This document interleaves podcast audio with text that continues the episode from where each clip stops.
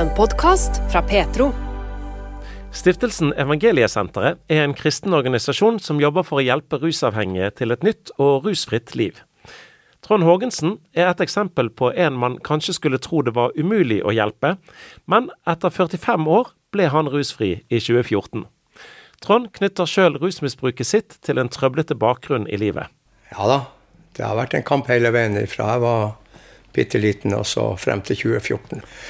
Jeg har jo vært eh, rusavhengig i, eh, i 45 år. Det er jo nesten et liv.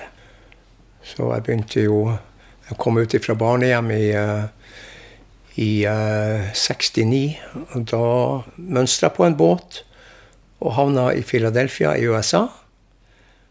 Og der ble jeg akterutseilt og havna på gata der. Og da tok jeg med mitt første skudd med amfetamin.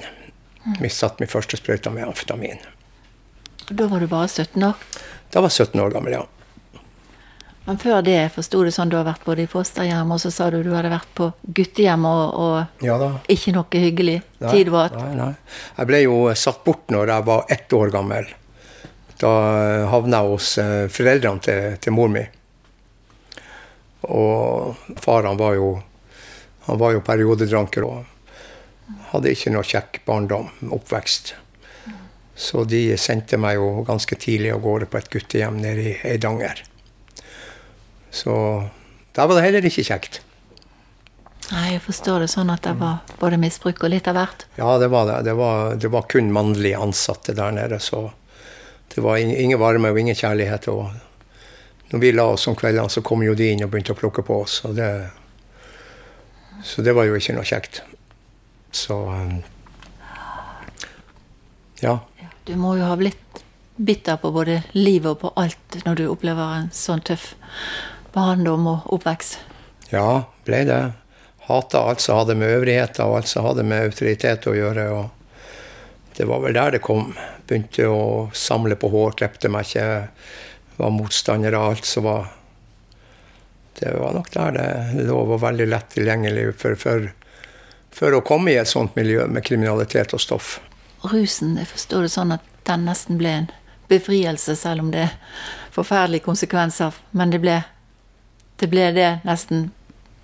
Ja, så når jeg fikk uh, smaken på det, så, så, var det jo sånn at dette kommer jeg aldri til å slutte med. Det er, og det er jo ikke å legge skjul på det at det er fantastisk godt, og derfor er det så farlig.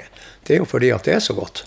Så uh, ja, det har vært min følgesvenn i 45 år. Mm. Hva drev du med alle disse 45 årene ute på gaten og i det hele tatt? Ja, Det var jo kjøp og salg og kriminalitet. Det var jo det. Men jeg må jo si det, jeg gifta meg jo òg oppi det hele da, og fikk jo to barn. Og eh, jeg rusa meg jo bakom ryggen på henne i, i, alle år. Så den dagen hun, hun fant ut det, så, så ba hun meg om å gå. Og da gikk jeg. Så når, når det ble brudd mellom oss, så dro jeg jo til Stockholm. Da begynte jeg, begynte jeg på kjøret der nede med kriminalitet og kjøring av stoff opp til Norge. Og så ble jeg jo stoppa på grensa da i, i, 1980, og da fikk jeg jo tre års fengsel. Så det var mine første tre år inne. Men hadde du hatt noe med kristendommen å gjøre, eller troen å gjøre opp igjennom? Nei, aldri, det var aldri snakk om hjemme hos oss. Aldri hørt ordet Gud eller noe hjemme hos oss. Aldri snakk om eh, noe sånt. Nei Jeg har jo alltid vært litt sånn nysgjerrig. Jeg husker vi brukte å gå på, på møtene til Åge Samuelsen og høre og synge. og Alltid likt kristne sanger og sånt. Det har jeg alltid gjort. Jeg har nok hatt det, litt sånn i bakhodet. Det har jeg nok hatt, men uh, jeg tenkte sånn Hva i all verden skal jeg gjøre hvis jeg blir kristen? Men jeg har jo alltid hatt det sånn inntrykk at de kristne det, uff, det må jo være et forferdelig kjedelig liv. Så. Men du sitter nå her og er kristen i dag. Hva skjedde da, Trond? ja, Det har jo skjedd mye, har jo skjedd mye, mye i livet mitt nå i siste tida. har jo det. Første gangen jeg kom inn på senteret, det var jo i 2000. Og eh, da, da slapp jeg ut av fengselet. Og da, da leita jeg spesielt etter et kristent senter. Tenkte at jeg må prøve, prøve Gud og se om, om det hjelper. Så der fikk jeg nok inn masse ting. Men, men, vi satt og spilte og sang. Og, så, men uh, etter et år så dro jeg jo derifra og ut på kjøret igjen og da gikk det jo 14 nye år på gata. Og,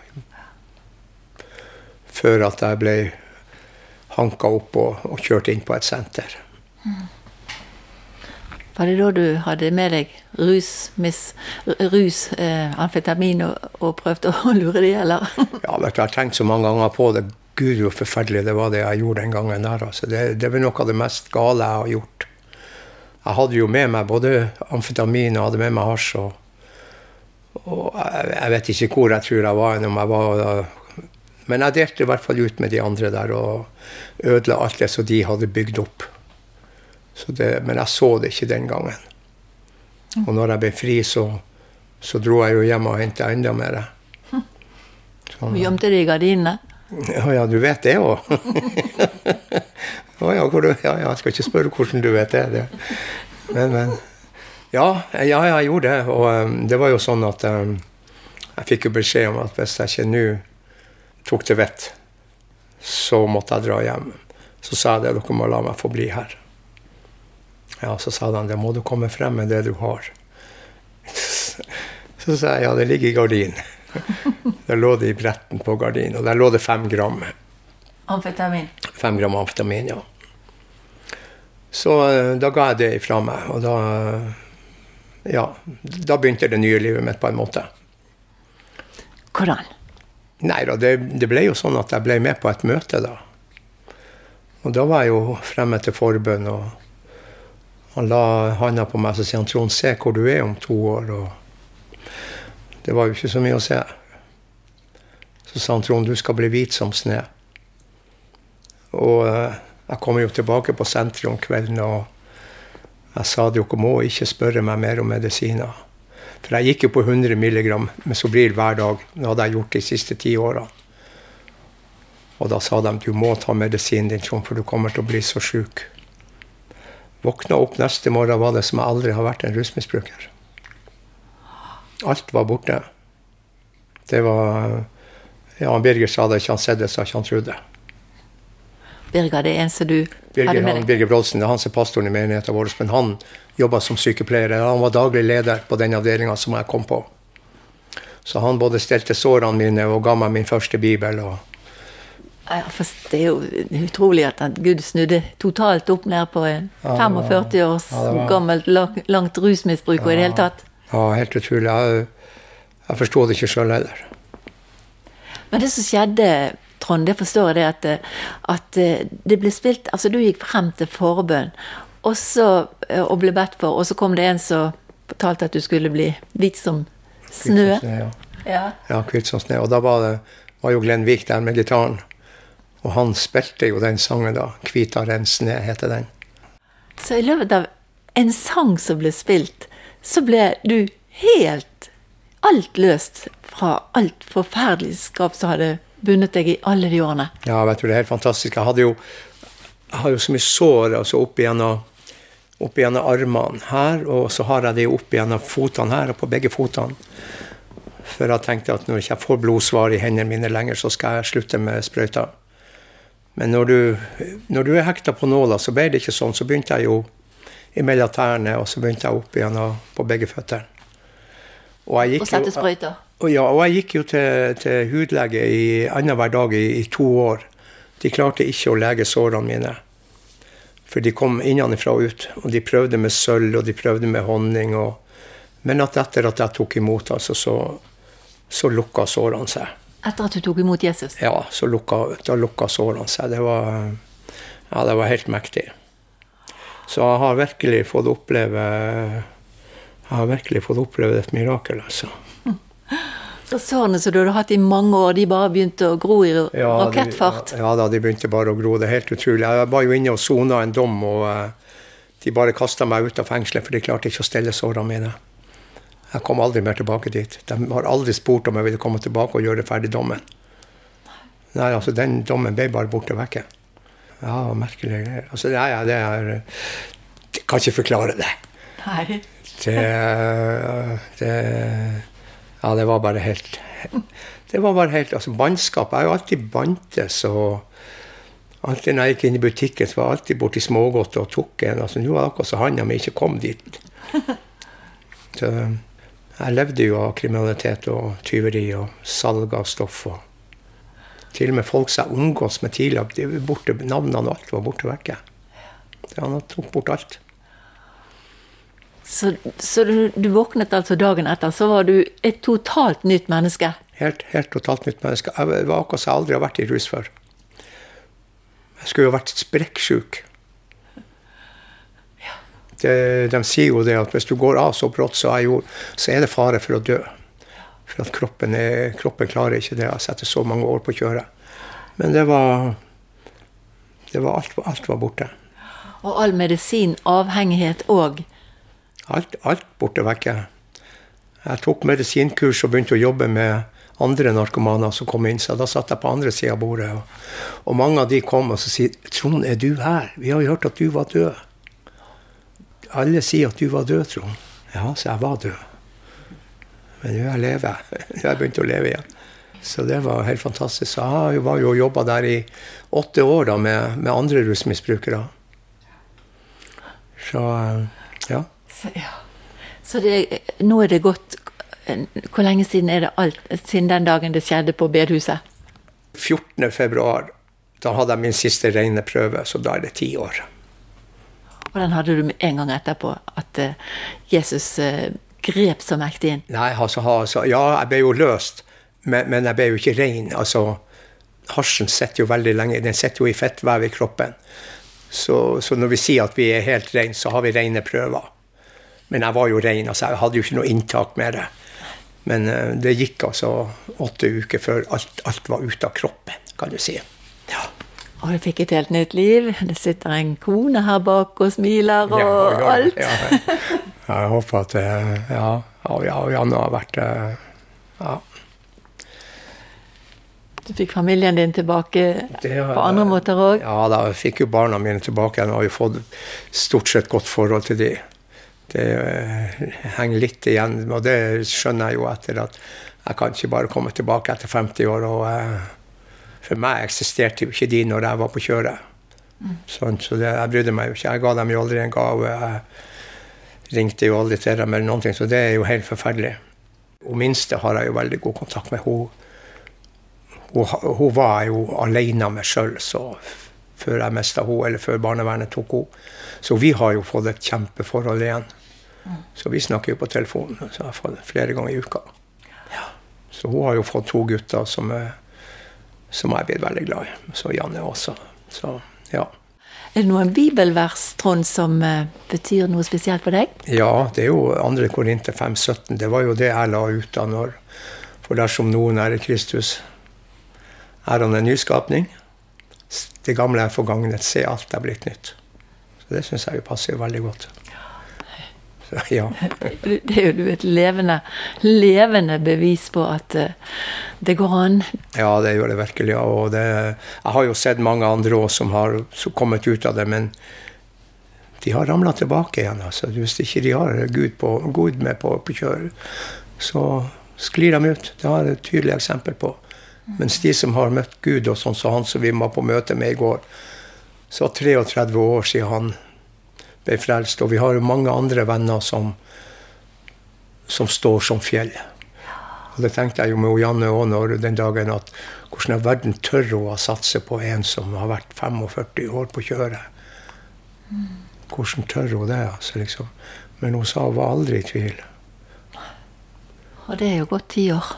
Det er gått ti år. Du Janne, du sitter jo her og stråler, og du er konen til Trond. Ja, jeg traff Trond i 2017.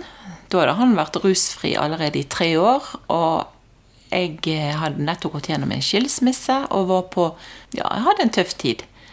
Og i den perioden så var Trond oppe i lag med Svein Norvik og skulle vitne og ha en eh, vitne- og sanghelg. Og sånn traff jeg Trond. Og den, eh, det vitnesbyrdet og den utstrålingen om å ha, møtt Jesus, sånn, det, det gjorde et inntrykk. Ja, Jesus betyr mye for meg, og ville ha en, en kristen mann hvis du skulle ha en ny mann. Så det, men jeg har ikke sjøl erfaring med noe rus. Og det har jo vært spennende. Jeg eh, har jo møtt mange av disse vennene til Trond nå i ettertid. Og jeg har møtt eh, han som ledet dette ABR-senteret på Karmøy som han kom inn på. Og jeg har jo lært mye hvor masse ettervern betyr. Når de kommer ut, ut av rusen og, og, skal starte et nytt liv og kaste det gamle bak seg. og hvor viktig det er å både få et nytt miljø, ha noe å gjøre på, faste rutiner. Og, så det er kjempespennende å se hva de står i, og de som virkelig brenner for, for dette her, altså. Så det er en all ære til de som eh, står i dette, dette arbeidet. Mm. Ja, det er viktig. Du våget deg på å gifte deg med Trond, som han sa i sted her, selv om han hadde hatt rusproblemer i 45 år. Ja, som sagt så kjenner jeg ikke noe til det. Jeg vet egentlig ikke hva utfordringer de, de står i. Så eh, jeg var kanskje dumdristig, jeg vet ikke. Men jeg har alltid hatt ro for det. Jeg har ikke kjent på noe frykt eller noen ting som, som har noe der. Men eh, jeg har nok vært veldig streng på at eh, første tegn til at det har vært noe rus hos oss, har det vært slutt. Det har vært veldig det vi, vi, er nok litt sånn Vi er jo totalavholdsfolk og, og har eh, Ja, så jeg har sikkert vært streng, og vet ikke, kanskje at Trond trengte det. At han har hatt en fast hund nå. hun har vært streng, ja. Ja, men det, det, det, det har nok vært på sin plass, tror jeg. For jeg, jeg har ikke så enkel når jeg har veldig vanskelig for å forholde meg til lover og regler. Ikke sånn at jeg bryter loven og sånt, men uh, så jeg er ikke helt tam ennå. litt igjen, sier Janne. Jeg henger litt igjen. Trond, jeg forstår det sånn at du fremdeles må klype deg i armen for å tro at dette her er sant, alt som har skjedd? Altså, selv etter ti år? Ja, ja, det, det, det, det er, helt, er, helt, sant. Det, er bare mektig at uh, jeg bare så uh, Det kunne godt ha kommet for 20 år siden. Hva sa du nå? Det kunne godt ha skjedd for 20 år siden. Det, det er mange ganger jeg gikk og ropte til Gud når er det min tur Når er det min tur å få fred? Og det gjorde jeg i mange, mange år. For jeg var så lei av å komme i rettssaler, i, i fengsel, ut og inn, og kriminalitet og redd og angst. og Visste aldri når politiet kom på døra, og hadde aldri fred. Så hvis noen spør meg i dag hva skjedde med deg når du ble frelst, så vil jeg si det at jeg fikk fred. Du har lyttet til en podkast fra Petro. Flere podkaster fra oss finner du bl.a. på petro.no og i Petro-appen. Der kan du også høre radiosendingene våre 24-7. Husk også at vi sender på DAB mange steder i Norge. Vi høres!